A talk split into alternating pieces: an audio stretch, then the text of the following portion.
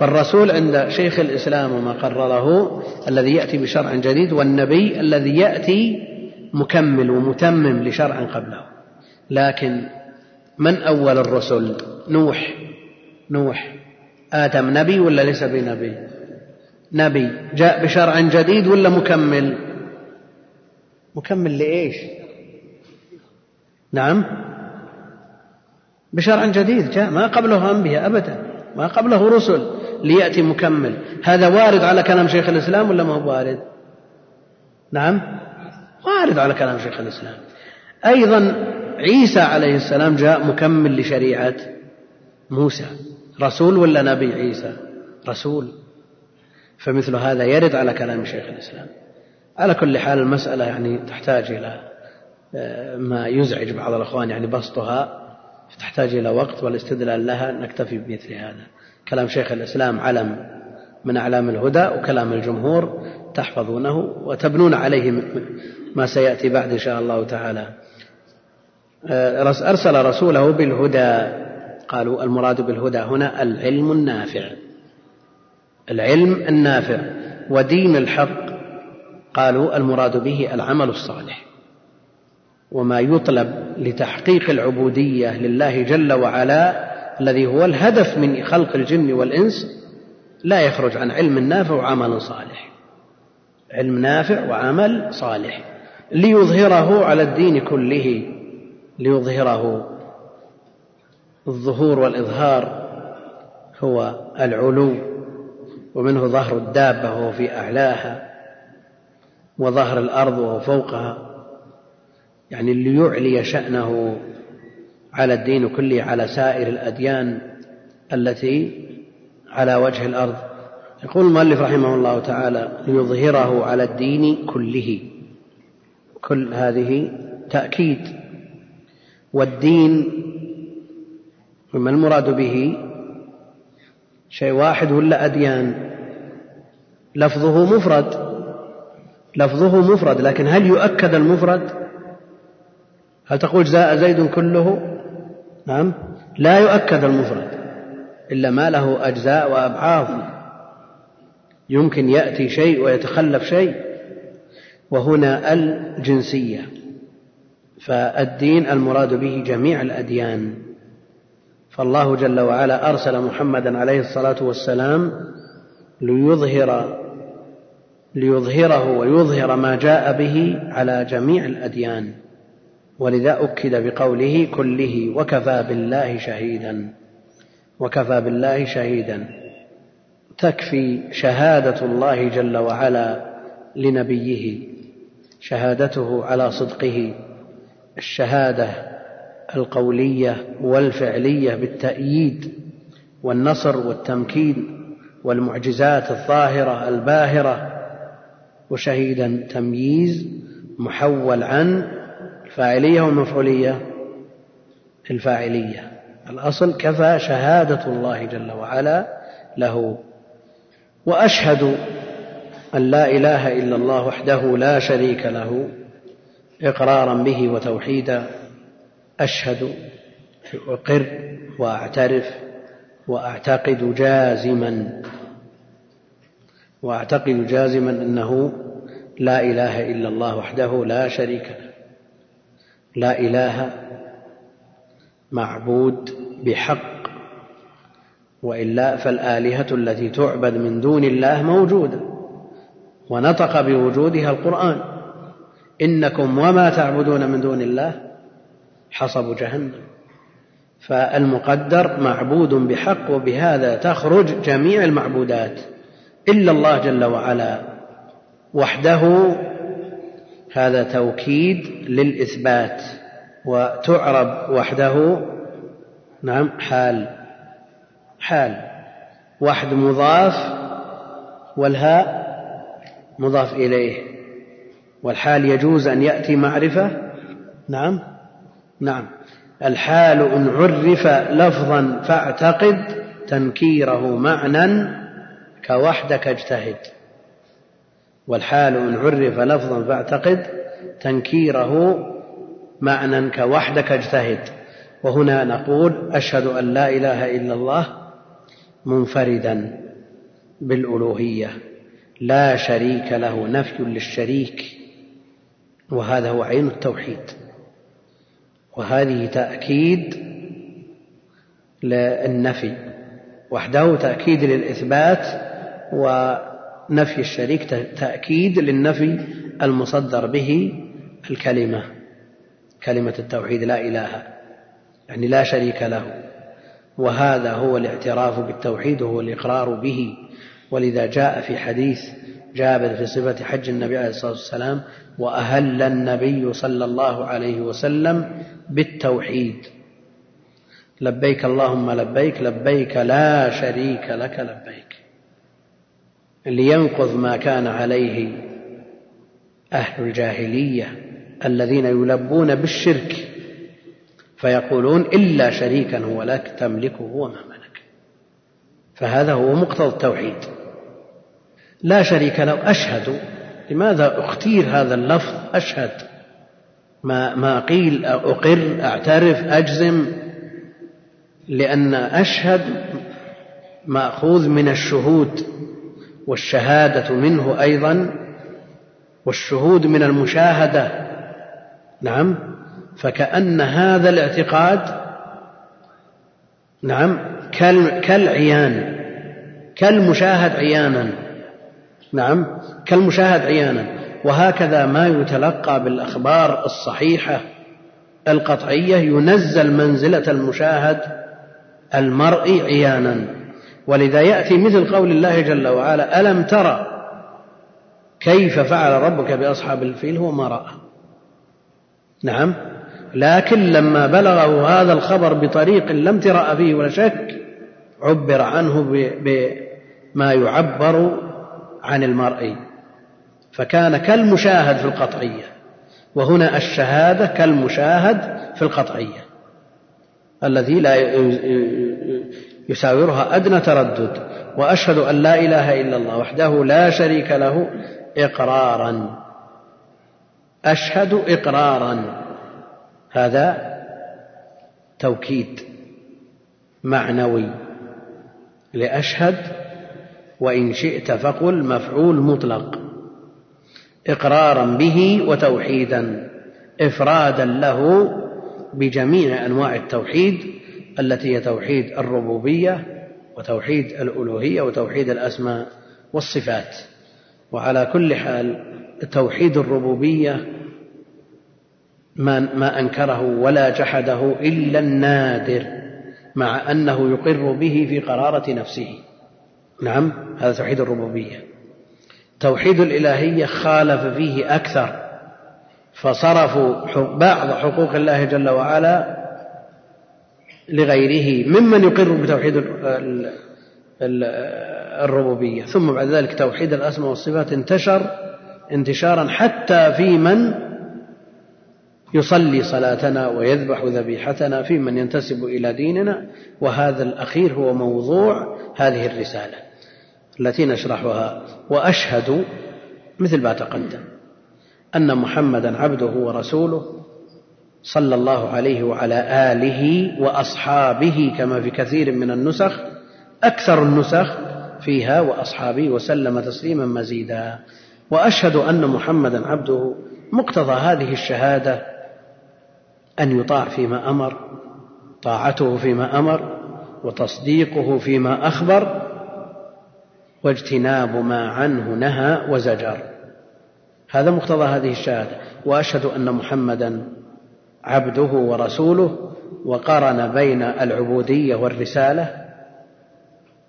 لماذا؟ نعم.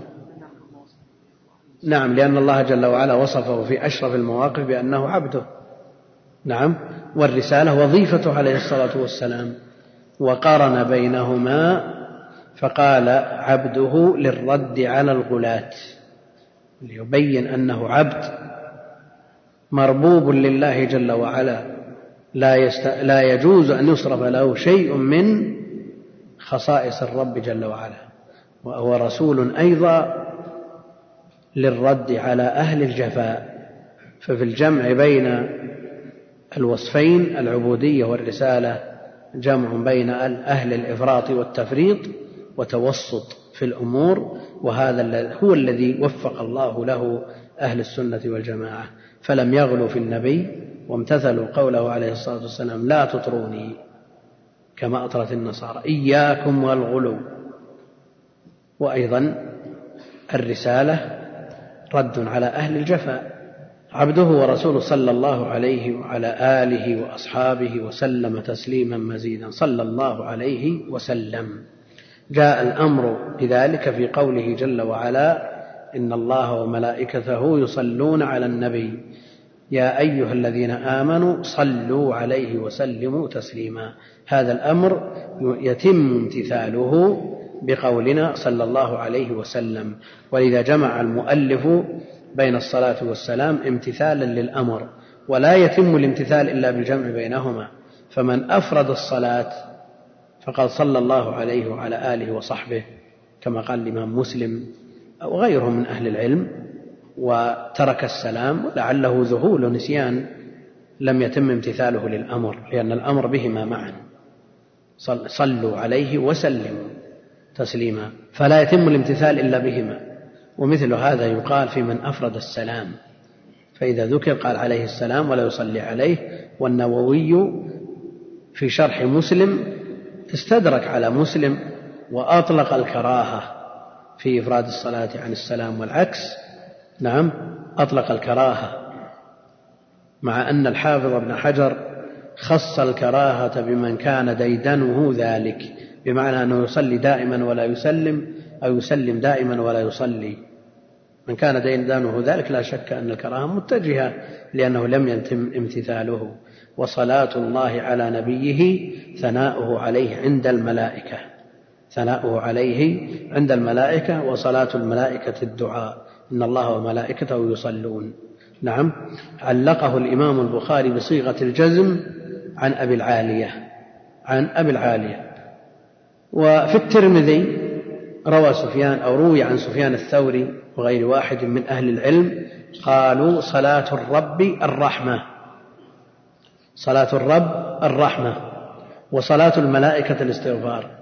لكن مقتضى عطف الرحمة على الصلاة المغايرة. أولئك عليهم صلوات من ربهم ورحمة. فعطف الرحمة على الصلاة تقتضي المغايرة فالراجح في صلاة الله جل وعلا ثناؤه عليه عند الملائكة. أولئك عليهم صلوات من ربهم ورحمة. ولذا تقول محمد صلى الله عليه وسلم ولا تقول رحمه الله. نعم. وتقول أبو بكر رحمه الله ولا تقول صلى الله عليه وسلم.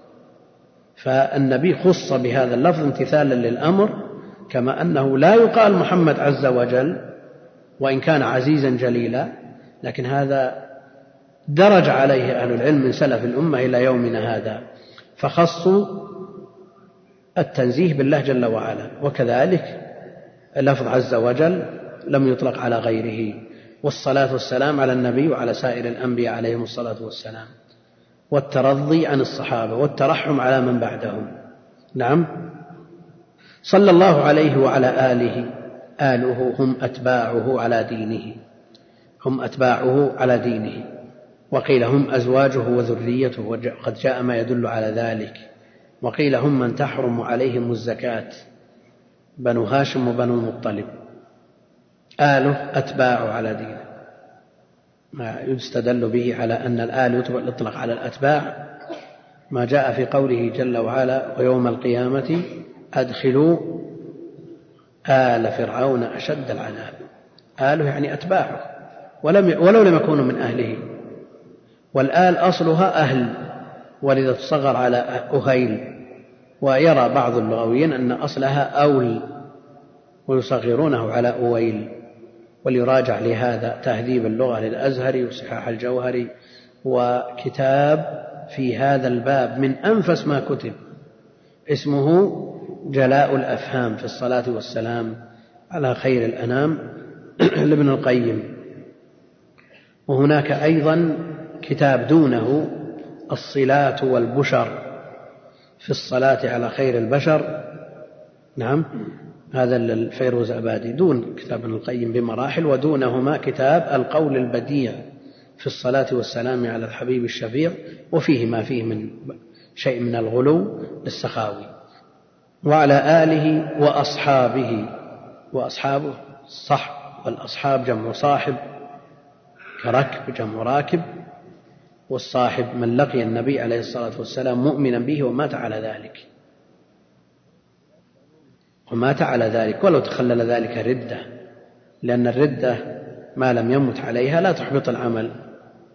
من يرتد منكم عن دينه فيمت وهو كافر. نعم. فإذا مات وهو كافر حبط عمله وإن رجع قبل موته لا يحبط عمله. من ذلك الصحابي. والمسألة خلافية لأن جاءت الآية مطلقة وجاءت مقيدة. لئن أشركت لا يحبطن عملك. وجاء تقييدها بالموت على الردة.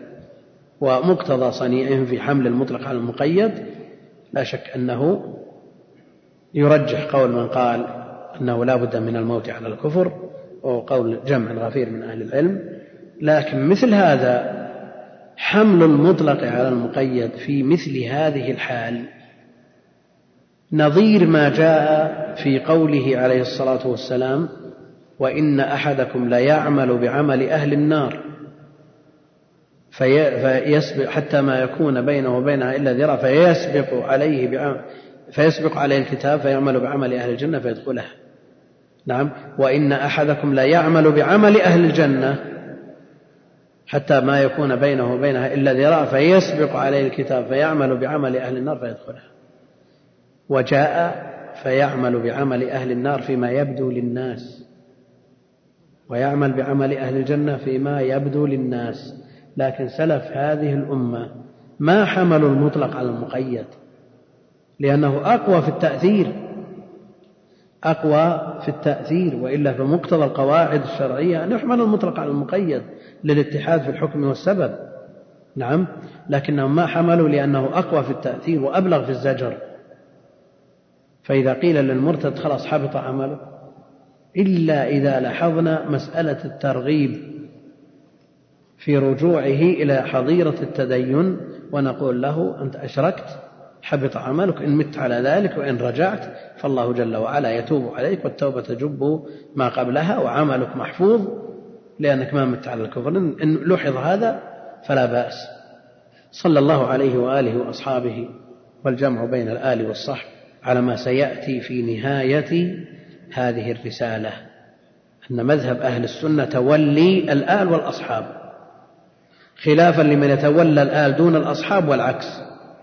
فالرافضة يتولون الآل ويكفرون الأصحاب جملة بجملتهم إلا القليل النادر عندهم. نعم. والنواصب على الضد من ذلك. وأهل السنة موفقون للتوسط بين المذهبين. وسيأتي بسط هذا إن شاء الله تعالى. حتى صار الاقتصار على الآل شعارا لبعض الطوائف والاقتصار على الصحب.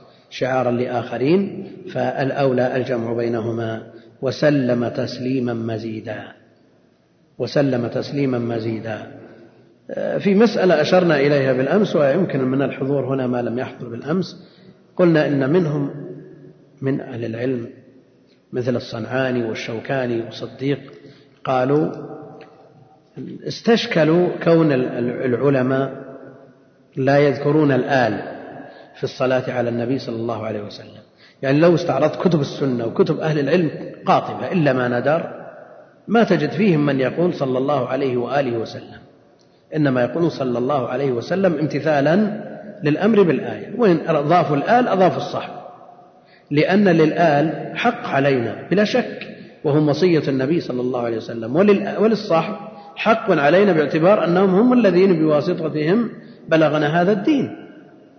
فلكل منهما حق فنجمع بينهما. قالوا لا. الصنعاني والشوكاني والصديق قالوا لا. أهل العلم حينما حذفوا الآل خوفا من من من الأمراء والولاة. كل أهل العلم تواطؤوا على هذا خشية من سطوة الخلفاء. كيف ما يصلون على الآل؟ وإلا فالأصل عرفنا كيف نسلم عليك فكيف نصلي؟ قال قولوا اللهم صل على محمد وعلى آل محمد. هذا أمر. نعم فكيف لا يصلون على الآل وهم مأمورون بها؟ نعم المقصود أنهم قالوا أن أهل العلم واطأوا الخلفاء وحذفوا الصلاة على الآل. نقول هذا اتهام لأهل العلم. والخلفاء الذين دونت الكتب والمصنفات في عهدهم من الآل هم من بني العباس. نعم فكيف يقال يمالأ الخلفاء على حذف هذا الواجب؟ وهم من الآل. الأمر الثاني أن الامتثال الأمر في الآية يتم بقولنا صلى الله عليه وسلم. وكونه عليه الصلاة والسلام أمرنا أن نصلي على الآل وأصل السؤال عن الآية وكأنه بيان للآية. قال قولوا اللهم صل على محمد وعلى آل محمد. هذا تفسير للعام ببعض أفراده وهذا لا يقتضي التخصيص إنما يقال مثل هذا للاهتمام به. لا يقتضي التخصيص لأن تفسير العام بعض أفراده معروف عند أهل العلم أنه يقتضي التخصيص. مثل تفسير القوة بالرمي أعدوا لهم ما استطعتم من قوة. نعم. ألا إن القوة الرمي؟ يعني ما نس ما نس ما نعد من القوة إلا الرمي؟ ما في قوة أخرى؟ يعني ممنوعين من هذا؟ هذا تفسير للعام ببعض أفراده وهذا لا يقتضي التخصيص. وعلى هذا نخصص هذا اللفظ في موضعه في الصلاة. ولا يجوز أن نزيد الصح في الصلاة أبدا لأن هذا لفظ متعبد به ومأمور به وأما امتثال الآية فيتم بقولنا صلى الله عليه وسلم وإذا أردنا أن نضيف الآل لأن لهم حقا علينا أضفنا الصحب لأن لهم من الحق ما هو أعظم من ذلك. يعني لو لولا الصحب كيف يصل إلينا الدين؟ يمكن أن يصلنا دين والصحابة كلهم مرتدون؟ نعم. لو افترضنا أن أبا هريرة فقط مرتد يمكن يصلنا الدين بهذا الكمال؟ ما يمكن. أكثر الدين وصلا عن أبي هريرة. لا يمكن أن يصل إلينا الدين بغير الصحابة.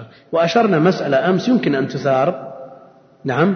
وهي أننا من أهل العلم من يقبل المراسيل واحتج مالك كذا النعمان به وتابعوهما ودانوا. سعيد بن المسيب قال رسول الله صلى الله عليه وسلم مقبول عند مالك وأبي حنيفة. إذا ما لنا داعي بالصحابة؟ نعم. هل يتصور أن سعيد بن جبير سمع الخبر من النبي عليه الصلاة والسلام؟ وهو تابعي؟ نعم. لا يتصور إذا لا بد من وجود صحابي واسطة. لا بد من وجود صحابي. إذا كيف بلغ سعيد بن المسيب؟ إنما هو عن طريق صحابي. وأكثر المراسيل لسعيد إنما هي من طريق صهره أبي هريرة. المقصود أن مثل هذا الكلام لا يمكن أن يرد. نعم. شو؟ سعيد بن المسيب. سعيد بن المسيب. أقول لنا يمكن أن يصلنا شيء من الدين إلا عن طريق الصحابة رضوان الله عليهم. فلهم علينا من الحق ما ندرجهم بالصلاة تبعا له عليه الصلاة والسلام. وأما إفراد أحد من الآل أو من الصحابة أو من غيرهم بالصلاة فجمهور أهل العلم لا يرون ذلك. لا يرون ذلك. وعرفهم العلمي جرى على أن الصلاة خاصة بالنبي عليه الصلاة والسلام وللصحابة الترضي. نعم. وعليه الصلاة والسلام صلى على بعض أصحابه. اللهم صل على آل أبي أوفى. خذ من أموالهم صدقة. تطهرهم وتزكيهم. وصل عليهم. وصل عليهم. فامتثل هذا الأمر فقال اللهم صل على آل أبي أوفى. لكن الجمهور على أن الصلاة خاصة بالنبي عليه الصلاة والسلام. صلى الله عليه وعلى آله وأصحابه وسلم تسليما مزيدا. تسليما. سلم تسليما. هذا المصدر. واسم المصدر سلاما. مثل تكلم تكلما وكلاما. ومزيدا يعني زائدا قدرا زائدا على ما نقوله وما يقوله من تبعه. والمزيد والزيادة والقدر الزائد كلها بمعنى. ويوم الجمعة يوم المزيد لأن الله جل وعلا يزيد فيه من نعيم أهل الجنة ما يزيد. والزيادة هي النظر إلى وجه الله جل وعلا على ما سيأتي. والله أعلم وصلى الله وسلم وبارك على عبده ورسوله نبينا محمد وعلى آله وصحبه أجمعين. السلام عليكم ورحمة الله وبركاته. هذا يقول أن ال في الحمد جنسية أليست استغراقية؟ بحيث تستوعب كل المحامد الجنسية الاستغراقية. يعني جنس الحمد كله لله جل وعلا. هذا يقول ألا ألا يكون معنى على الدين كله أي الكفر كله بما فيه من أديان لأن ما سوى الإسلام من الأديان فهو كفر والكفر دين واحد مقابل الإسلام. على كل حال سواء قلنا كفر والكفر ملة واحدة أو ملل شتى على الخلاف المعروف بين أهل العلم فهو في مقابل الإسلام كله باطل ما عدا الإسلام. يقول ذكرتم في الدرس السابق أن المقصود عند شرح رسوله هو الذي أرسل رسوله هو النبي صلى الله عليه وسلم خصوصا.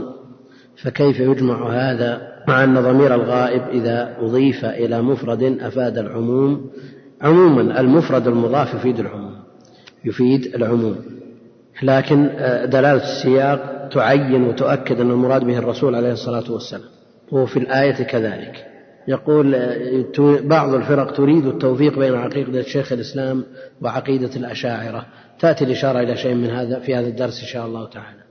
يقول هل هناك نظم غير سلم الوصول للحفظ أقل عددا في الأبيات ثم ننتقل إلى سلم الأصول على فكرة النظم هذه العقيدة الواسطية منظومة. نظمها الشيخ عبد الله بن عدوان. الشيخ عبد الله بن عدوان مترجم في آه، علماء نجد وطبعة الشيخ محمد بن مانع ينقل منها كثيرا وهي دالية طيبة. يقول قد في سبعة مواضع الاستواء. وقد بينها ابن عدوان في نظمه لهذه العقيدة فقال ونقل منها كثيرا ولا, ولا أعرف عن وجودها الآن. لكن كأنها من محتويات مكتبة الشيخ بن مانع. نعم. هذه المنظومة. فليبحث عنها وإذا وجدت يعتنى بها. يقول قال ابن عدوان النجدي المتوفى سنة تسع وسبعين ومائة وألف. وسلم لأخبار الصحيحين يا فتى ولكن عن التمثيل وفقت أبعدي. ودع عنك تزويقات قوم فإنها بحلتها التعطيل. يا صاحي مرتدي؟ لا لا ما يمكن.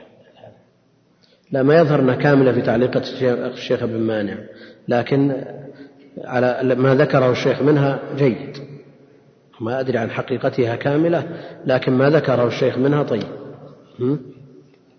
يقول ما رأيكم من يحضر هذا الدرس وهو لم ينتهي من بعض المتون مثل الأصول الثلاثة وكتاب التوحيد؟ على كل حال إذا رأى الفائدة من الدرس يلزمه ومع ذلك ينظر في الكتب الأخرى ويجعل وقت للأصول الثلاثة مع شروحها من أصحاب الفضيلة الذين شرحوها. ثم بعد ذلك يقرأ على التدريج الذي ذكر مرارا في ترتيب كتب العقيدة وأولوياتها. يبدأ في الأصول الثلاثة ثم القواعد الأربع ثم كشف الشبهات ثم التوحيد ثم الواسطية وهكذا. الحمد لله رب العالمين وصلى الله وسلم وبارك على عبده ورسوله نبينا محمد وعلى آله وصحبه أجمعين. أما بعد فيقول المؤلف رحمه الله تعالى أما بعد فهذا اعتقاد الفرقة الناجية المنصورة إلى قيام الساعة. أهل السنة والجماعة والإيمان بالله وملائكته وكتبه ورسله والبعث بعد الموت والإيمان بالقدر خيره وشره. أما بعد أما حرف تفصيل وشرط وهي مع ما بعدها قائمة مقام الشرط وجوابها ما دخلت عليه الفاء. أما بعد فهذا. وفسرها سيبويه بمهما يكن من شيء مهما يكن من شيء. والمذكور بعدها المقترن بالفاء هو جواب الشرط. فلذلك لزمته الفاء. أما بعد فهذا. لزمته الفاء. ولذا يقول ابن مالك في ألفيته أما كمهما يكن من شيء وفى لتلو تلوها وجوبا ألفا أما كمهما يكن من شيء وفاء الفاء هذه لتلو تلوها يعني بعد الذي بعده بعدها بعد نعم والذي بعده يلزمه الاقتران بالفاء لتلو تلوها وجوبا ألفا وحذف ذي الفاء وحذف ذي الفاء يعني هذه الفاء وحذف ذي الفاء قل في نثر إذا. وحذف ذي الفاء قل في نثر إذا لم يك قول معها قد نبذ. يعني لا ترد ما لا يرد جوابها غير مقترن بالفاء إلا نادرا.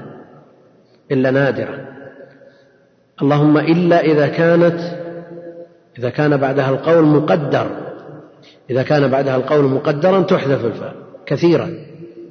فأما الذين اسودت وجوههم أكفرتم ما اقترن بالفاء لأن القول مقدر. تقديره فيقال له أو يقال لهم أكفرتم. وبهذا لهذا يقول وحذف ذي الفاء قل في نثر إذا لم يك قول يعني مقدر.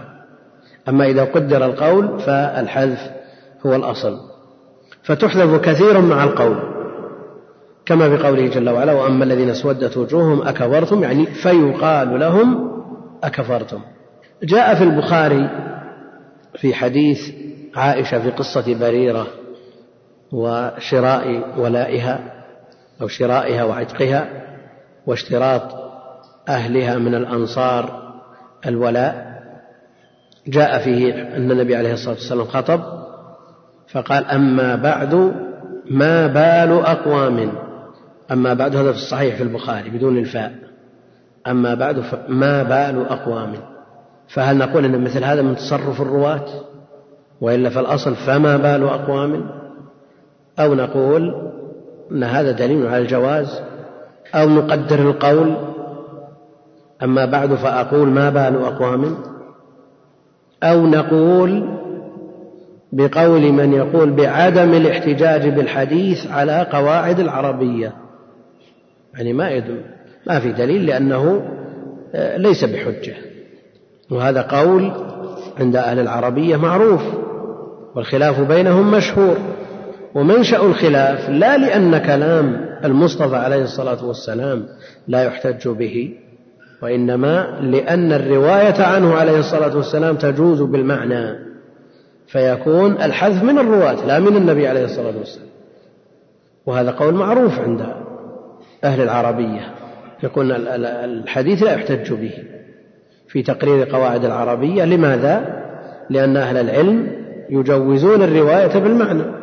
فالنبي عليه الصلاة والسلام نطق به على مقتضى اللغة لأنه عربي ويتكلم باللغة العربية. فيحتج به. الصحابة الذين نقلوا عنه أيضا هم في وقت الاحتجاج بالعربية. التابعون الذين نقلوا عنهم في وقت الاحتجاج لكن أتباع التابعين نعم لا يحتج بنقلهم. في قواعد العربية لماذا؟ لأنهم اختلطوا بغيرهم. فتأثرت اللغة بهذا الاختلاط وأهل العربية يجعلون الحد الفاصل للاحتجاج من الشعراء الشار ابن برد. يقول ما بعده لا يحتج به يكون مولد. أما من قبله يحتج به. وهذه مسألة كبرى يعني فيها رسائل وكتب. لكن من أراد جمع أطراف الخلاف فهو في مقدمة خزانة الأدب للبغدادي في شرح شواهد شروح الكافية. طول في الخلاف وذكر أمثلة كثيرة من هذا. على كل حال دعونا من من يقول بعدم الاحتجاج. خلونا مع من يحتج بالحديث لأن الحديث تدوينه لا سيما دواوين الإسلام المعروفة الأصول دونت يعني إلى آه، منتصف القرن الثالث اللي هو 250 انتهى تدوينها وبعد ذلك ما بعدها كلها فروع عليها. المقصود أنها في عصر الاحتجاج وفي القرون المفضلة.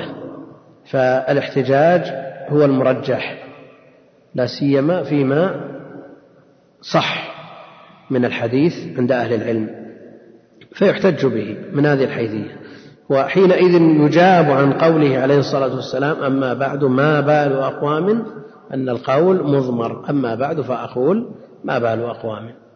قد يقول قائل إذا قدرنا مثل هذا فلنا أن نترك الفاء باضطراد. نعم. لماذا نوجد تقدير الفاء؟ نعم. ويوجد مثل هذه هذه الأساليب. ما من قائل أما بعد كذا نعم ثم يستدرك عليه أن الفاء لازمة ويقول أنا مقدر أقول. ما يمكن أن يريد مثل هذا؟ نعم. لكن هل يسوغ ذكر القول في كل أسلوب؟ أحيانا يكون فعل أحيانا يكون ما هو قول آه، تعبير عن فعل. أما بعد فالغيبة ممكن بعد حتى هذا. على كل حال أهل النحو يقولون لولا الحذف والتقدير لعرف النحو الحمير. وعندهم أيضا أنه لا يمكن أن يخطئ نحوي لأنه مطلع على العربية وأسرار العربية وأقوال العلماء فيستطيع أن يخرج. فهل يمكن أن نتنصل من إيجابهم الفاء بعد أما بإضمار القول في كل شيء؟ أو أن هذا يمكن أحيانا وأحيانا لا يمكن فتبقى القاعدة على بابها وأنها لازمة لأما في مثال لا لا يصلح فيه تقدير القول؟ نعم. لأن لما قلنا أن الاحتمال يصير فعل ما هو بقول؟ نعم. التعبير عن الفعل قول. نعم. التعبير عن الفعل قول. والمسألة مفترضة في كلام والكلام قول. فيحتاج إلى إذا أجبنا عن رواية البخاري بهذا نجيب عن غيره. لو أن شيخ الإسلام أما بعد هذا اعتقاد الفرقة الناجية ونحن قال الفاء هذه واجبة وتركها شيخ الإسلام وخالف القاعدة. نعم؟ بإمكانه أن يق... بإمكان أحد يجيب عنه فيقول أما بعد فأقول هذا اعتقاد. نعم؟ في جواب؟ ما في أحد من أهل العربية؟ نعم. نعم. نعم يا أخي. ما في جواب؟ فهد ما جاء. أنا أقول مثل هذا الكلام يأتي على القاعدة بالنقض صح ولا لا؟ إذا قلنا أننا نقدر القول نعم؟ ف ويقترن هذا القول بالفاء على هذا لكل شخص أن يحذف الفاء. كل شخص له أن يحذف الفاء ثم يقدر القول. طيب أما زيد فمنطلق تقدر تحذف الفاء؟ نعم؟ نعم. أما زيد لا هنا واجب الفاء لكن هل تستطيع أن تقدر القول؟ أما زيد فمنطلق على كل حال تدرس هذه تدرس ولا تقدير القول وهم يعتنون بهذا ونصوا عليه في كتبهم.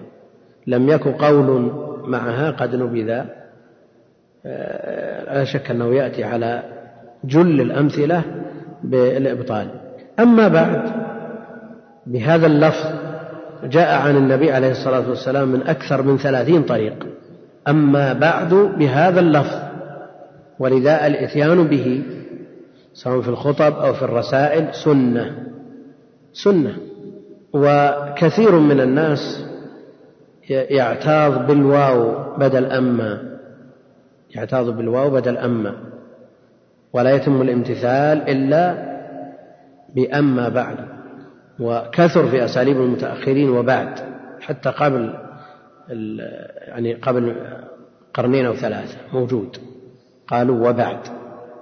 وقالوا إن الواو هذه عوض عن أما ولسنا بحاجة إلى أن نعوض عن اللفظ النبوي بغيره. ولسنا بحاجة أيضا إلى ثم قبلها لأن بعض الناس يقول الحمد لله رب العالمين والصلاة والسلام إلى آخره ثم أما بعد. عشان إيش؟ تجيب ثم. لا لسنا بحاجة إليها إلا لو احتجنا أن ننتقل إلى أسلوب ثالث أتينا بالمقدمة ثم قلنا أما بعد وأتينا بأسلوب بحث خاص ثم أردفناه بقضية أخرى أو بموضوع ثالث نأتي بثم لنعطف الأخيرة على الأولى وإلا فالأولى ليست بحاجة إلى ثم. أما بعد بعد مبني على الضم قبل وبعد والجهات الست. تبنى على الضم إذا قطعت عن الإضافة مع نية المضاف إليه. قطعت عن الإضافة مع نية المضاف إليه.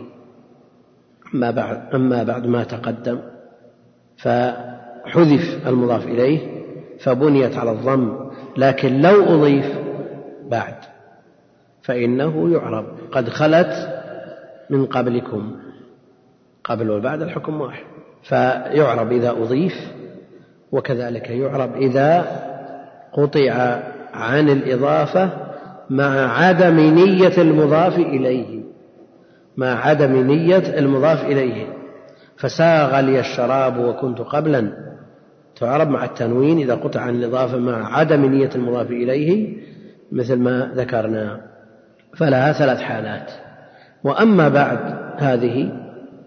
ذكر بعض أهل العلم أنها فصل الخطاب الذي أوتيه داود عليه السلام والخلاف في أول من بدأ بها معروف عند أهل العلم على على ثمانية أقوال.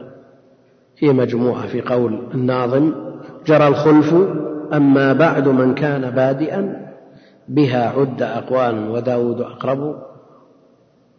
عد أقوال أو أقوالا؟ ها؟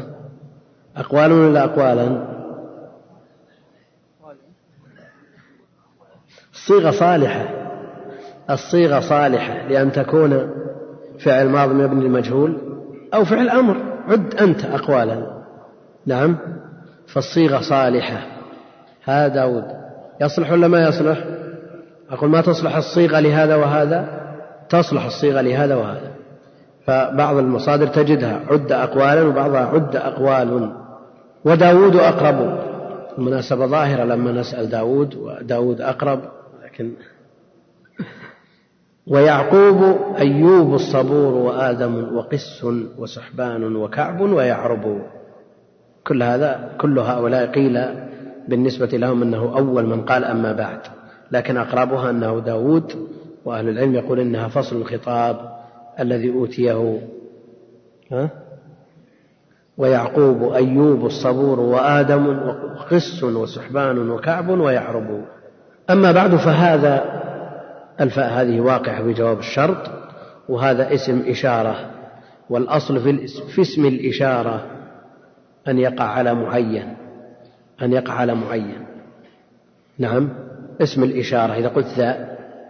نعم فأن تشير إلى جهة أو إلى شخص معين تعينه بالإشارة إليه. والكتاب لما قال شيخ الإسلام رحمه الله تعالى فهذا هل هو يشير إلى شيء موجود في الأعيان أو يشير إلى شيء موجود في الأذهان؟ يعني كثير من بل جل المؤلفين يذكرون في مقدماتهم أما بعد فهذا. نعم. فهل هم يشيرون إلى موجود في الأعيان أو موجود في الأذهان؟ هم يقولون كيف؟ كتاب المقدمة قبل ولا بعد؟ قبل وين؟ شيل هذا اللي هو. الذي تكلم به وكتبه؟ هل ثلاثة الأسطر الأولى هذا أو الذي سيأتي؟ مكتوب ولا ما كتب الذي سيأتي؟ ما كتب. كيف يشير إلى شيء ما يوجد إلى الآن؟ نعم. على كل حال هم يقولون إن كانت المقدمة كتبت بعد التأليف فالإشارة إلى ما هو موجود في الأعيان. وإن كانت الكتابة المقدمة كتبت قبل التأليف فهي إشارة إلى ما هو حاضر في الذهن مما هو في حكم المتحقق مما هو في حكم المتحقق لأن مثل هذا العلم من شيخ الإسلام هل يتصور أن شيخ الإسلام يوظب الكتاب ويراجعه مرارا ويسود ويبين ثم بعد ذلك يكتب مقدمة؟ شيخ الإسلام ما يرفع القلم رحمه الله لا يرفع القلم ويكتب مثل هذا الكتاب بأقل من ساعة. حيث بس مدة الكتاب. معروف الشيخ ما يكتب ما يرفع القلم. وكتب الحموية بين الظهر والعصر. كتب الكيلانية في جلسة وصاحبه مستوفز يريدها في مئتي صفحة. المقصود أن شيخ الإسلام ما يتصور منه أنه ينتظر في المقدمة إلى أن ينتهي الكتاب من أجل أن يجعل هناك تصور واضح لما يريد أن يكتبه بعد كتابته. هو متصور ما يريد أن يكتبه قبل كتابته. وما في ذهنه رحمة الله عليه في حكم الموجود في الأعيان فصحت الإشارة إليه. تعرفون مراحل البحث الآن؟ تعرفون مراحل البحث الآن؟ يعني جلكم طلبة في الجامعة ومتخرجون منها مرت عليكم مراحل البحث. أولا جمع واستشارات وأسئلة ومراجعات جمع ثم تسويد صياغة ثم بعد ذلك تبييض ثم المقدمة تترك لآخر شيء. لأنها تريد يريد منها أن تعطي تصور إجمالي عن الباحث وهو ما هو متصور إيش بيكتب يمكن يطرأ على شيء جديد. هذا في مثل من هو في مثل حالنا ما أدري إيش بيقول. ولا يمكن يصور ما في ذهنه حتى يبرز ويخرج. أما شيخ الإسلام ليس من هذا النوع رحمة الله عليه. أما بعد فهذا اعتقاد. الاعتقاد أصله من العقد كعقد الحبل وشده ونحوه ومنه أخذ حكم الذهن الجازم فسمي عقدا. ومنه أيضا العقود واليمين المعقودة المجزوم بها التي تخالف لغو اليمين. والعقد المبرم الموثق. يا أيها الذين آمنوا أوفوا بالعقود لأنه الذي يجب الوفاء به المبرم المحكم. أما اللي فيه استثناء أو خيار أو كذا قد صار عقد. ومن هذا الحكم الذهني الجازم الذي لا تردد فيه ولا احتمال فيه للنقيض. هذا يسمى عقد واعتقاد وعقيدة. فإن طابق الواقع فهو اعتقاد صحيح وإن خالف الواقع فهو اعتقاد باطل. فيقيننا بأن الله جل وعلا واحد أحد. فرد صمد وأنه لا إله إلا الله هذا مطابق للواقع. مطابق للواقع. نعم فهو اعتقاد صحيح. وقول النصارى إن الله ثالث ثلاثة مخالف للواقع فهو اعتقاد باطل. نأتي إلى موضوع الرسالة. إثبات ما أثبته الله جل وعلا لنفسه. وأثبته له رسوله عليه الصلاة والسلام من الأسماء والصفات. لا سبيل لنا ولا طريق لمعرفة شيء عن الله جل وعلا إلا عن طريقه هو وما أنزله على رسوله عليه الصلاة والسلام من كتابه وسنة نبيه. ليس لنا مصدر لتلقي هذا العلم إلا هذا الكتاب والسنة. فإذا اعتقدنا ما أثبته الله جل وعلا لنفسه وما أثبته له رسوله عليه الصلاة والسلام هذا هو المطابق للواقع. أما ما يثبته أو ينفيه الإنسان بذهنه أو وهمه هذا لا يطابق الواقع. ولذا هؤلاء الذين ينفون الصفات كيف يعرفون الله جل وعلا إذا تجلى لهم؟ نعم أهل السنة الذين يثبتون الصفات على ضوء ما جاء عنه عن الرسول عليه الصلاة والسلام لما يأتيهم بغير صفته وهذا ثابت في الصحيح. نعم ما ثبت هذا؟ أنه يأتي بغير صفته. ثم بعد ذلك يقول لا لست ربنا. الذي لا يثبت صفات ولا يعترف بها ولا يقر بها كيف يعرف ربه إذا تجلى له بغير صفته؟ نعم. ثم إذا تجلى بصفته عرفه المؤمنون والذي ينفي الصفات على خطر عظيم. كيف يعرف شخص شيء. أستغفر الله كيف يعرف شيئا؟ نعم. لا يثبت له صفة ولا يثبت له اسم. مثل هذا يعبد عدما. أو شخص نعم تصور في ذهنه وهجم ذهنه على أوصاف نعم شبهها بشيء من خلقه. المشبهة الذين يقولون أوصاف الله جل وعلا وما أثبته لنفسه مثل ما أثبتها لنا. فهم يشبهون الله بخلقه فإذا جاءهم على صفته يعرفونه ولا ما يعرفونه؟ ما يعرفونه ولذا يقولون عن المشبه أنه يعبد صنما. فليكن الإنسان على حذر. يثبت ما أثبته الله جل وعلا لنفسه وينفي ما نفاه عن نفسه. أما بعد فهذا اعتقاد الفرقة. الفرقة الناجية المنصورة والفرقة والطائفة شيء واحد. وقد تكون الفرقة جزء من الطائفة وقد تكون الطائفة جزء من الفرقة. يعني قد تكون الطائفة جزء من الفرقة لأن الفرقة تطلق على الجماعة والطائفة تطلق على الجماعة أيضا وقد يقال للواحد طائفة. فإذا أطلقت الفرقة على الجماعة والطائفة على الجماعة صار بمعنى واحد. وإذا قلنا أن الفرقة جزء من الطائفة باعتبار أن الطائفة أكبر فيطلق على الجمع طائفة ويطلق عليه فرقة ويطلق على الواحد أيضا طائفة. لكن ما يطلق فرقة على الواحد. فلولا نفر من كل فرقة منهم طائفة. وليشهد عذابهما طائفة. يعني ولو واحد. الفرقة الناجية فرق بين الفرقة والفرقة. في فرق بين الفرقة والفرقة؟ نعم نعم. الفرقة واحدة الفرق والفرقة الافتراق. نعم يعني مثل ما نفرق يعني من وجه آخر. بين القربة والقربة. نعم شو الفرق بينهما؟ نعم القربة الوعاء الذي يوضع فيه الماء. والقربة ما يتقرب به إلى الله جل وعلا. نعم. الفرقة الناجية من النجاة. ثم ننجي الذين اتقوا. وما عدا الناجية نعم مآلهم الهلاك والنار. ونذر الظالمين لأن الناجي في مقابل الظالم. ثم ننجي الذين اتقوا هؤلاء هم الناجون. وهذا وصفهم. الفرقة الناجية هم الذين اتقوا الله جل وعلا. ثم ننجي الذين اتقوا. ونذر الظالمين الذين لم يتقوا الله جل وعلا. ومن لازم التقوى الإيمان بالله جل وعلا والإيمان بما جاء عنه من لازم الإيمان به الإيمان بكل والتصديق والإعتراف والإذعان واعتقاد جميع ما جاء عنه جل وعلا. فالذي يعتقد العقيدة الصحيحة التي أثبتها الله جل وعلا في كتابه وسنة نبيه عليه الصلاة والسلام هم الناجون ويقابلهم الظالمون. ولا شك أن الذي يضل ويعصي سواء كان ضلاله باعتقاد أو بخلل عملي ارتكاب محظور أو ترك مأمور هذا على خطر.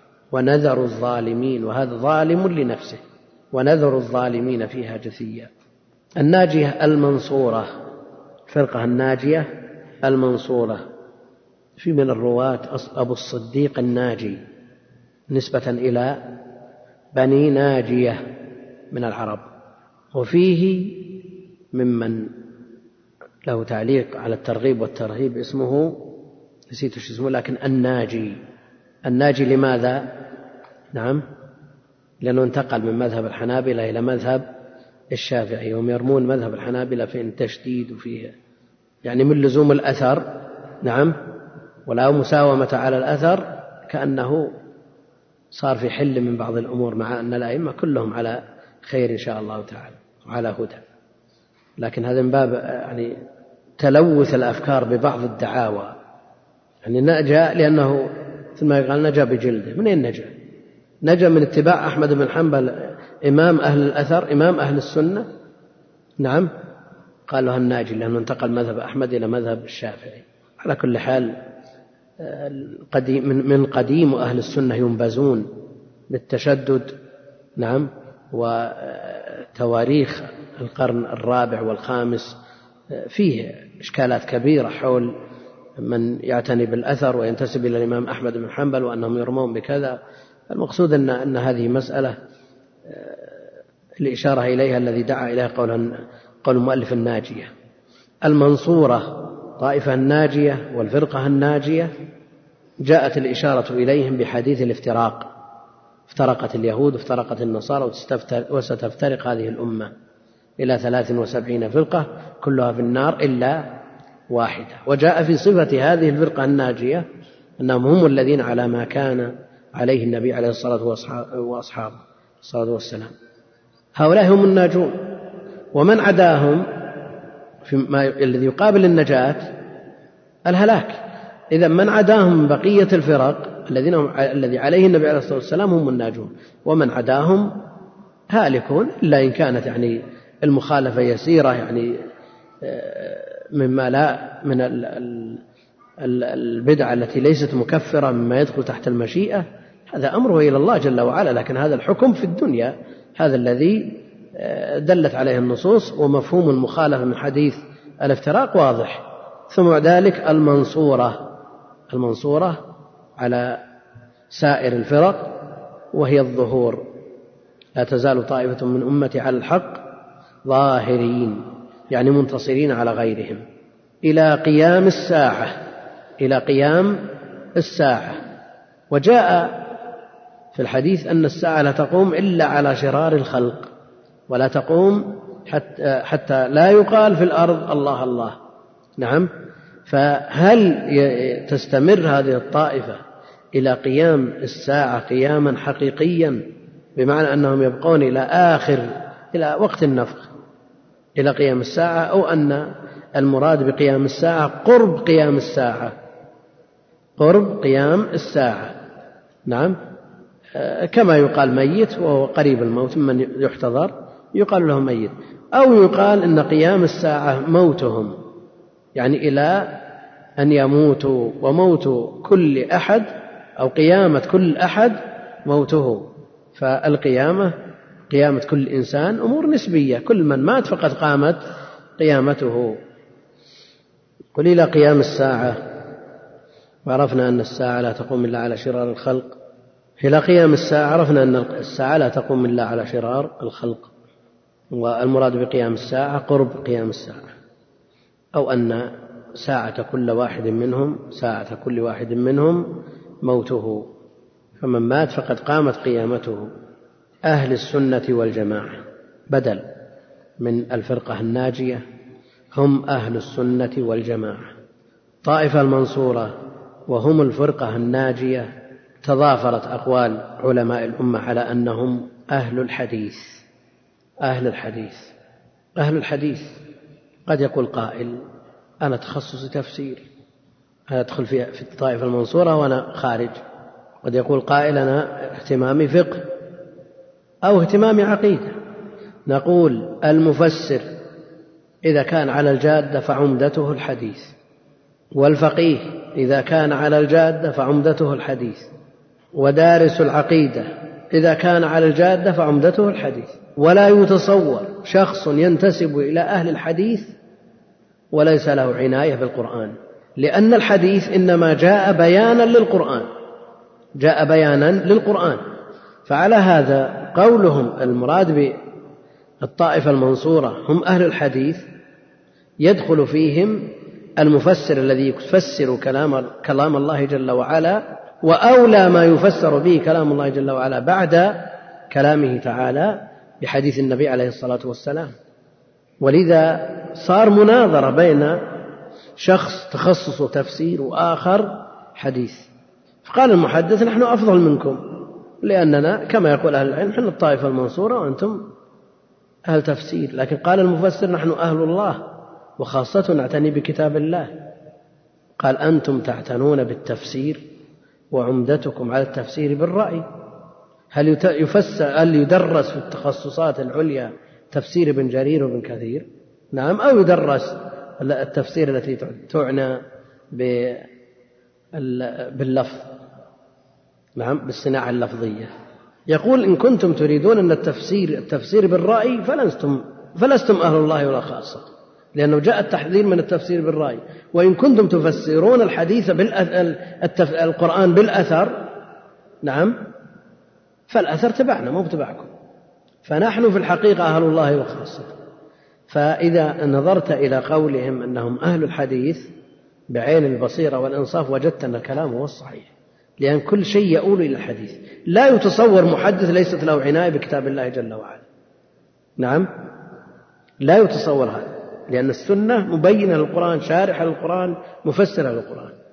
ثم بعد ذلك التخصصات الأخرى أهل التفسير الذين تخصصهم عناية بالقرآن. إن كانت عنايتهم به من جهة الأثر فهم أهل الحديث. وإن كانت جهة عنايتهم من جهة النظر والصناعة على ما يقولون اللفظية وعمدتهم على التفاسير بالرأي فهؤلاء وقد زل كثير منهم. المقصود أن العالم إذا لم تكن عنايته بالحديث نعم فلن يحالفه التوفيق. لا بد أن تكون عناية العالم بالحديث ومن خلال الحديث يفسر القرآن ومن خلال الحديث يعني مع القرآن يعتقد الاعتقاد الصحيح. ومن خلال الحديث أيضا يتفقه الفقه المؤصل على كتاب الله وسنة نبيه صلى الله عليه وسلم. ولا يمنع أن يدخل في الطائفة المنصورة. نعم. من نصر الله به الإسلام. نعم. من نصر الله به الإسلام ممن هو على الجادة وعلى ما كان عليه النبي آه، عليه الصلاة والسلام. يقول هل علم اللغة العربية يعتبر من طلب العلم خصوصا لمن تخصصه في الجامعة لغة عربية؟ أقول العربية ليست هدف وليست مقصد وإنما يعتنى بها وتدرس وتقرأ ويحفظ بعض متونها وتقرأ شروحها ويتخصص فيها من أجل فهم الكتاب والسنة. من أجل فهم الكتاب والسنة. أهل السنة والجماعة. أهل السنة والجماعة. يعني هم الذين يعنون بسنة النبي عليه الصلاة والسلام. يعنون بسنته عليه الصلاة والسلام ويجتمعون على ذلك.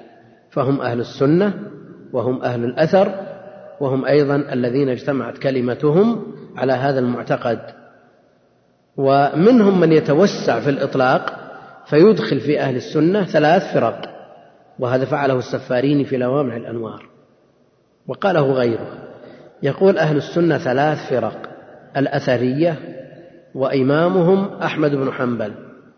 والأشعرية وإمامهم أبو الحسن الأشعري والماتريدية وإمامهم أبو منصور الماتريدي.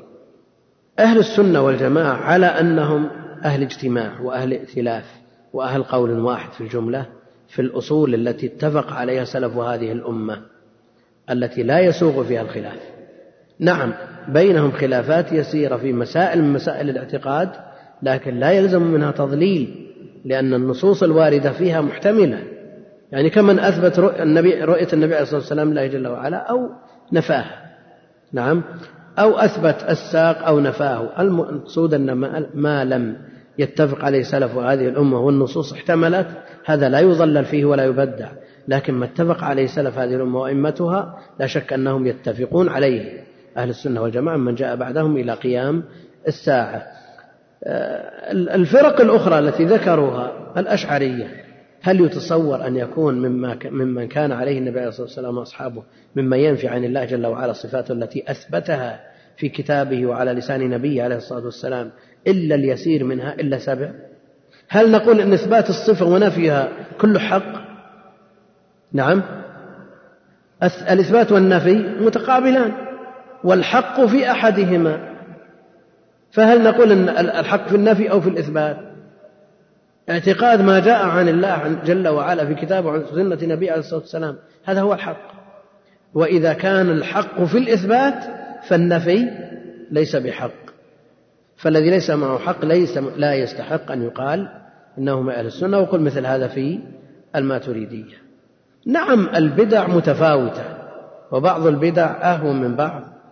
نعم هناك البدع المكفرة وهناك البدع المفسقة. نعم لكن يبقى أن أهل السنة الذين الذين اقتفوا الأثر وأثبتوا ما أثبته الله جل وعلا لنفسه نعم لا شك أنهم هم أهل السنة والجماعة. ومن عداهم ممن يخالفهم بالقول لا يمكن أن يدخل معهم في المسمى. قد يقول قائل وهذا سيرد بالتفصيل إن شاء الله تعالى أن الداعي لهم لنفي هذه الصفات هو التنزيه. هو تنزيه الباري جل وعلا من أن يكون له يد. أولا كونهم يزعمون التنزيه. متى وصلوا إلى مرحلة التنزيه والنفي الذي هو التعطيل؟ إلا بعد أن شبهوا. إلا بعد أن شبهوا. والنصوص على ما سيأتي المثبتة للصفات والأسماء. ليس من لازمها التشبيه. لنقول ننفي عن الله جل وعلا ما أثبته لنفسه لئلا نشبهه بالمخلوق. فالله جل وعلا هو الذي جمع بينهما في نص واحد. ليس كمثله شيء وهو السميع البصير. يعني هل نستطيع أن نقول ليس من, من لازم قوله جل وعلا ليس كمثله شيء أنه ليس بسميع ولا بصير؟ هل يسوغ مثل هذا؟ نقول آمنا ببعض الكتاب وكفرنا ببعض. فالله جل وعلا الذي نفى مشابهة المخلوقين له جل وعلا هو الذي أثبت هذه الصفة. فعلينا أن نثبت في موضع الإثبات وننفي في موضع النفي على ما سيأتي إن شاء الله تعالى. فأهل السنة هم سلف هذه الأمة وأئمتها الذين اقتفوا أثر الكتاب والسنة ومن تبعهم إلى يوم القيامة. أهل السنة والجماعة وهو الإيمان بالله وملائكته وكتبه ورسله والبعث بعد الموت والإيمان بالقدر خيره وشره.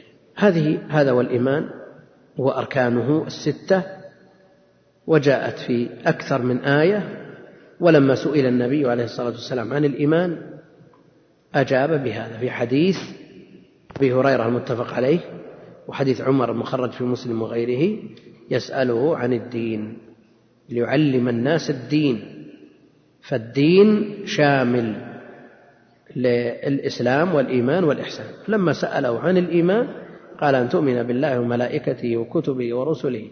والبعث بعد الموت وتؤمن بالقدر خيره وشره. هذه أركانه الستة. والإيمان يعرف في كثير من كتب اللغة المتأخرة وكتب أهل المقالات المتأخرين بأنه التصديق. وما أنت ما أنت بمؤمن لنا أي بمصدق. فالذي يقول آمنت بالله بمعنى صدقت. ولننظر إلى التعدية بالحرف. هل تكون آمنت تساوي صدقت؟ آمنت بالله. هل معناها أني صدقت بالله؟ التصديق. وما أنت بمؤمن؟ نعم. فالتعدية الإيمان يتعدى بحرف والتصديق يتعدى بحرف آخر. نعم قد يكون من حقيقته اللغوية أو بعض حقيقته اللغوية التصديق. لكن ليس التصديق مساوي للإيمان من كل وجه. فالإيمان تصديق معه إقرار واعتراف وإذعان وجزم. هذا الإيمان وشيخ الإسلام رحمه الله تعالى يقرر أن الحقائق الشرعية لا تأتي ناسفة للحقائق اللغوية. نعم. ما تأتي على تضاد تام مع الحقائق اللغوية وإنما تكون الحقيقة اللغوية جزء من الحقيقة الشرعية. فتكون الحقيقة اللغوية متجهة إلى شيء ثم بعد ذلك حقيقة هذا الشيء الشرعية هي الحقيقة اللغوية مع إضافة قيود.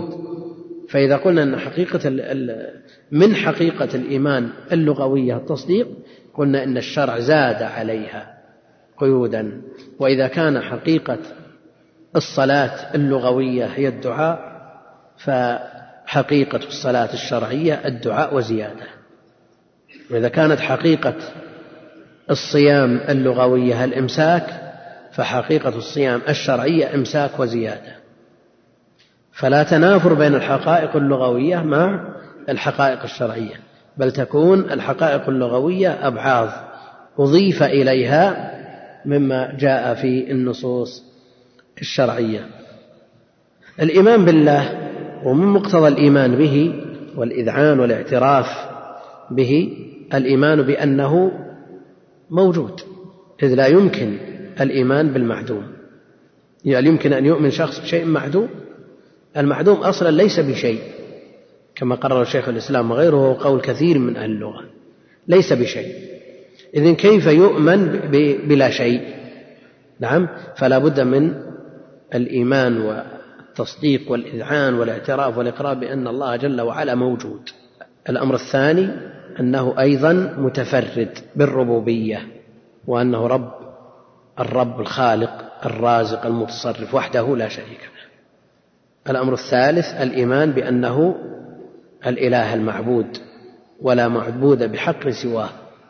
أيضا من لازم الإيمان به الإيمان بجميع ما جاء عنه في كتابه وسنة نبيه عليه الصلاة والسلام بما في ذلك ما يتعلق به من أسماء وصفات. فدخل في الإيمان أنواع التوحيد الثلاثة. أنواع التوحيد الثلاثة. الإيمان بالله وملائكته الإيمان بالله وملائكته. الملائكة عالم غيبي. الإيمان بهم ركن من أركان الإيمان. نؤمن ونجزم ونعتقد أن أن لله خلقا. هم الملائكة جمع ملك وأصلها ملأك أو مألك من الألوكة. له هذا الخلق الذين جاء من وصفهم أنهم لا يعصون الله ما أمرهم وأن السماء معمورة بهم. ومنهم من سمي لنا ومنهم من لم يسم. جاء في البيت المعمور أنه يدخله في كل يوم سبعون ألف ملك لا يعودون إليه. وجاء أيضا في حديث الأطيط وإن كان فيه ما فيه مما قال لكن طرق تدل على أن له أصلا. ما في السماء موضع إيش؟ أربعة أصابع أو موضع قدم أو شبر إلا وفيه ملك ساجد أو قائم. مقصود أن عددهم لا يعلمه إلا الله لكن هل نستطيع أن نعد كل هؤلاء؟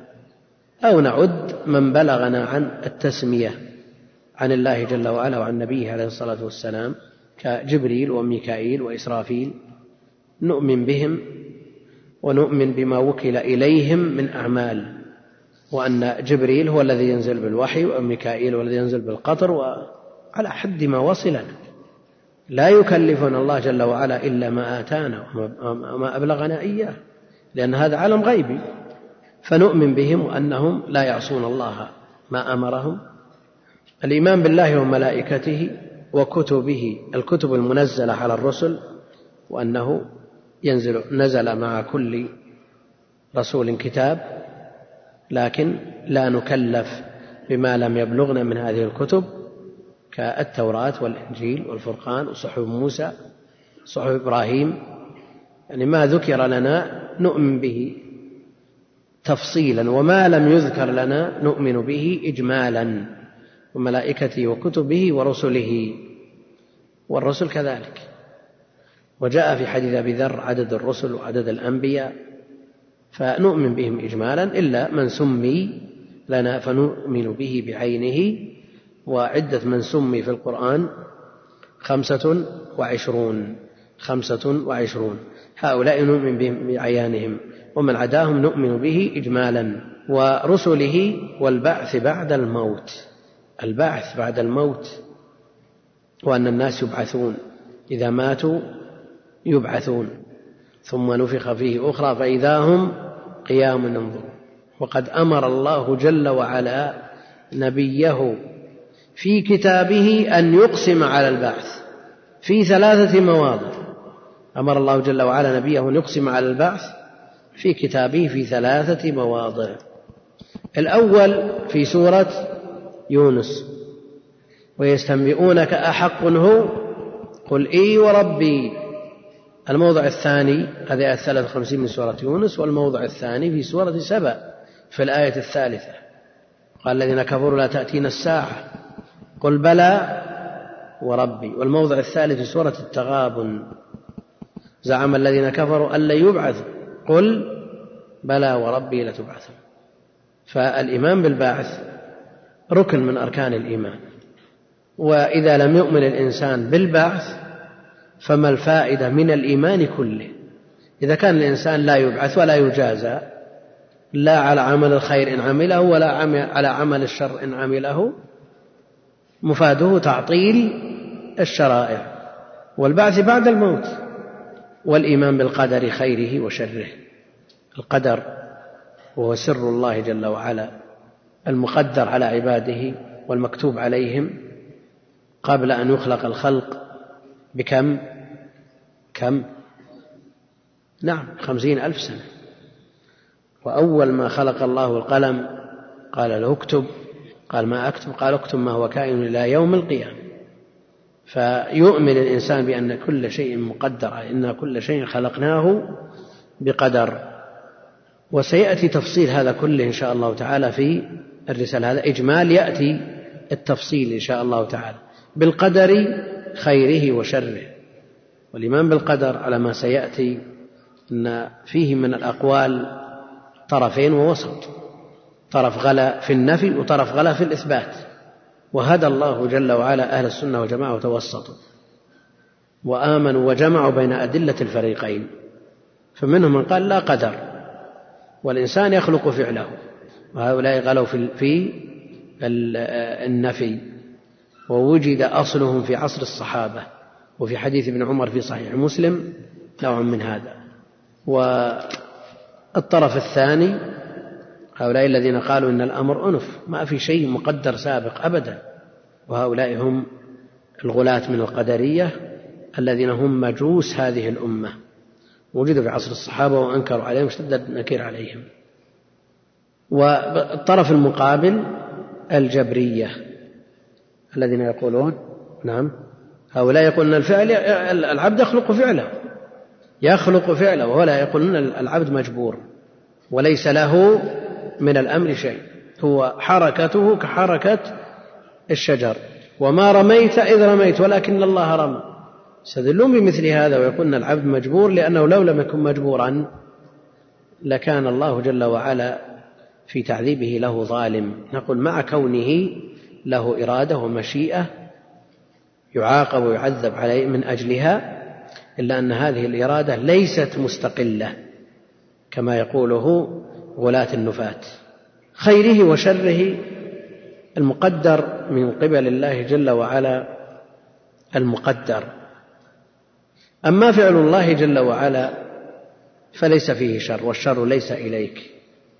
يبقى أن المقدر والمقدور الناتج عن هذا القدر فيه ما ينفع الإنسان وفيه ما يضره.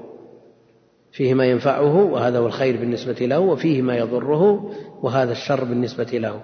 على أنه وإن تضرر به إلا أن له نفعا من جهات ولا يوجد شر محض ففي مخلوقات الله جل وعلا العقارب والحيات هذه ظاهرها الشر لكن هل هي شر محض؟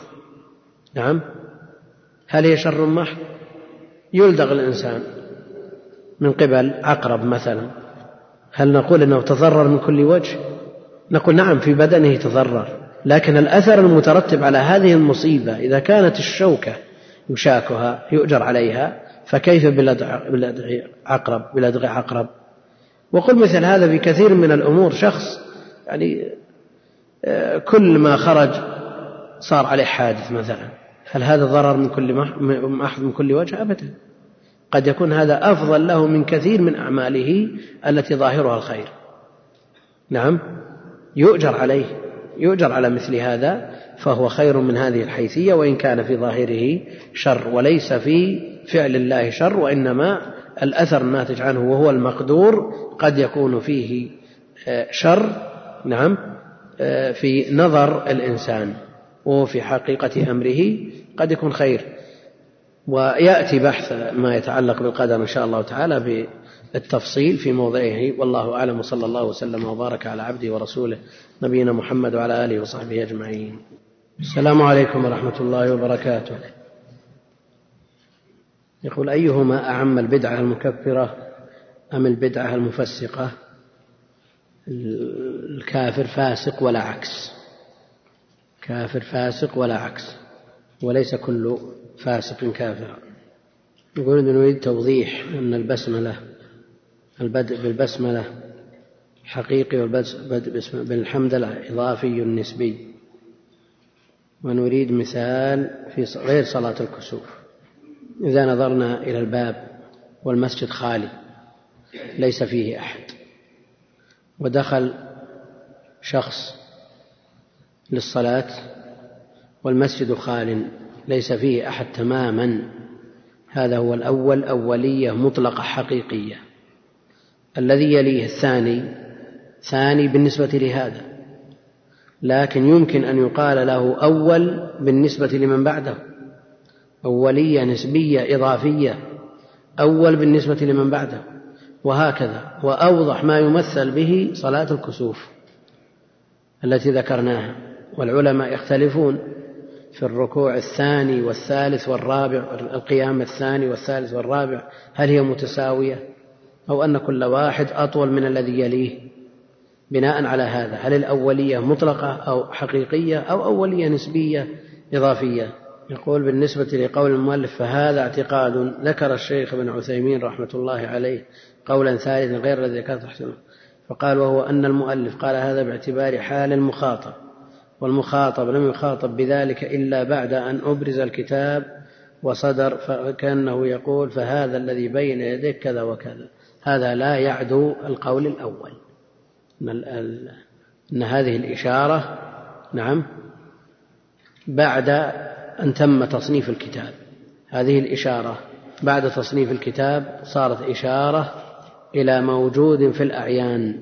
لكن هل يتصور أن شيخ الإسلام لما أعطاه الكتاب قال له هذا كتاب. نعم. هذا كتاب قال له هذا كتاب. لأنه يقول وأن المؤلف قال هذا باعتبار حال المخاطب. والمخاطب لم يخاطب بذلك إلا بعد أن برز الكتاب وصدر فكأنه يقول فهذا الذي بين يديك كذا وكذا. وهذا لا يخرج عن القولين السابقين لا يخرج عنهما. لأنه إن كان موجود في الأعيان فهذه الإشارة بعد تصنيف الكتاب. وإن كان موجود في الأذهان لا في الأعيان فالإشارة قبل تصنيف الكتاب. يقول ما رأيكم من ينكر وجود الجن؟ الذي ينكر وجود الجن هذا يكفر لأنه مكذب لله ورسوله. مكذب لله ورسوله. أنكر أمرا معلوما من الدين بالضرورة. أنكر أمرا قطعيا لا خلاف فيه بين أهل العلم فهو كافر قولا واحدا. الذي ينكر وجوده. أما الذي ينكر تلبسهم في الإنسان وملابستهم له فإنه لا يكفر لكن يبقى أنه مخالف للواقع مخالف للواقع وثبت أنهم يلابسون الإنسان ويدخلون فيه ويتكلمون. يقول يتكلم عن علم الحديث وهل ينصح بالتخصص فيه وكذا.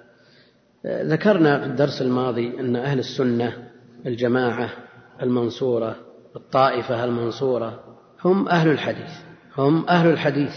وقلنا أنه لا يعني لا يعنى بذلك أنهم من تخصص في الحديث بحيث يخفى عليه كلام الله جل وعلا في كتابه وما يتطلبه هذا الكلام من بيان لسنة نبيه عليه الصلاة والسلام ولا يخفى عليه اعتقاد سلف هذه الأمة لأنه يمكن أن يتخصص في الحديث ويصل إلى أعلى الدرجات والرتب العلمية الاصطلاحية المعمول بها في الأزمان المتأخرة وهو جاهل بعقيدة السلف الصالح.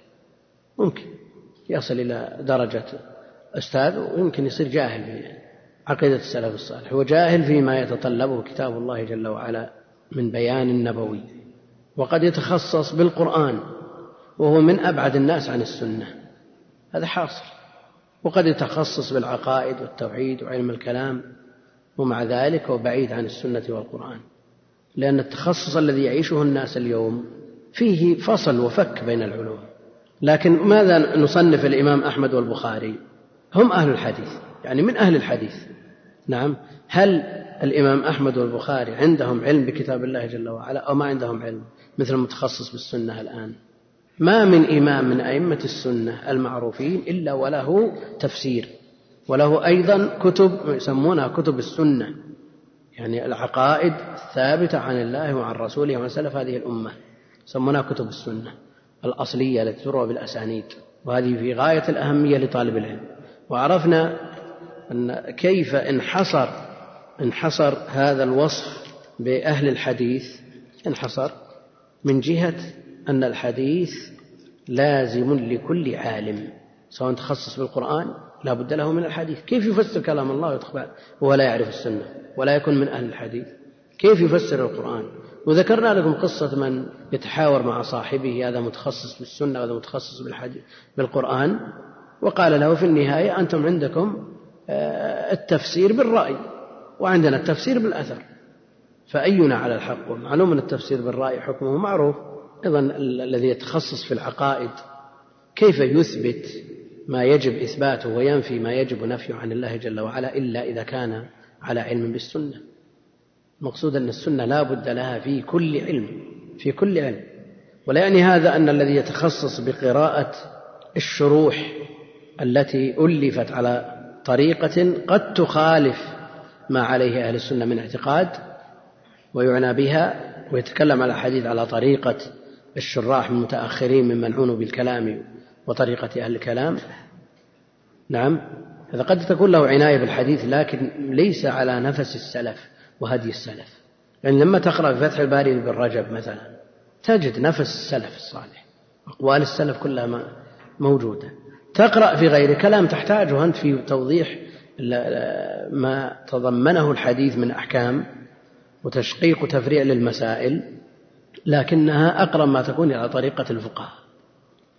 يقول لو أن أحدا جاء بكلمة أقول بعد أما بعد فإن تقدير فأقول يكون فيه ركاكة فهل يصح هذا للنهوض بالقاعدة؟ أولا معروف أن ما لا يحتاج إلى تقدير عند أهل العربية أولى مما يحتاج إلى تقدير. تقدير القول حينما يحتاج إليه حينما يحتاج إليه ويكون السياق لا يتم إلا به حقيقة أو حكما. حقيقة مثل الآية أما الذين اسودت وجوههم أكفرتم. لا بد من تقدير قول هنا. فيقال لهم أكفرتم. لا بد له ليستقيم الكلام. وأيضا الحديث أما بعد ما بال أقوام؟ الحديث في البخاري. إذا قلنا أن الحديث تجوز روايته بالمان على قول الجمهور وبناء على ذلك أنه لا يحتج به في العربية نقول هذا من تصرف الرواة. وإلا فالرسول العربي لا بد أن يأتي بالفاء. إذا قلنا أنه أن الحديث يحتج به في العربية لا بد أن نقدر القول هنا. لا بد أن نقدر القول لتمشي القواعد. ما حكم حذف أما وإبدالها واو في قوله أما بعد؟ كثر يعني بعد الألف كثر إبدالها بالواو. قلنا وبعد هذا بعد الألف موجود في كتب المتأخرين. آه، لكن الاقتداء والائتساء إنما يتم باللفظ النبوي. أما بعد كما ذكرنا سابقا وهم يقولون أن الواو تقوم مقام أما ولسنا بحاجة إلى ما يقوم مع إمكان الإتيان بالأصل. يقول من أركان الإيمان الإيمان بالرسل فلماذا لم يقل الأنبياء حيث إن؟ أنه ليس كل نبي رسول لكن كل رسول نبي.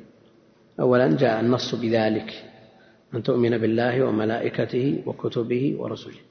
وأيضا كل آمن بالله وملائكته وكتبه ورسله. فنصوص الكتاب والسنة كلها تضافرت على هذا.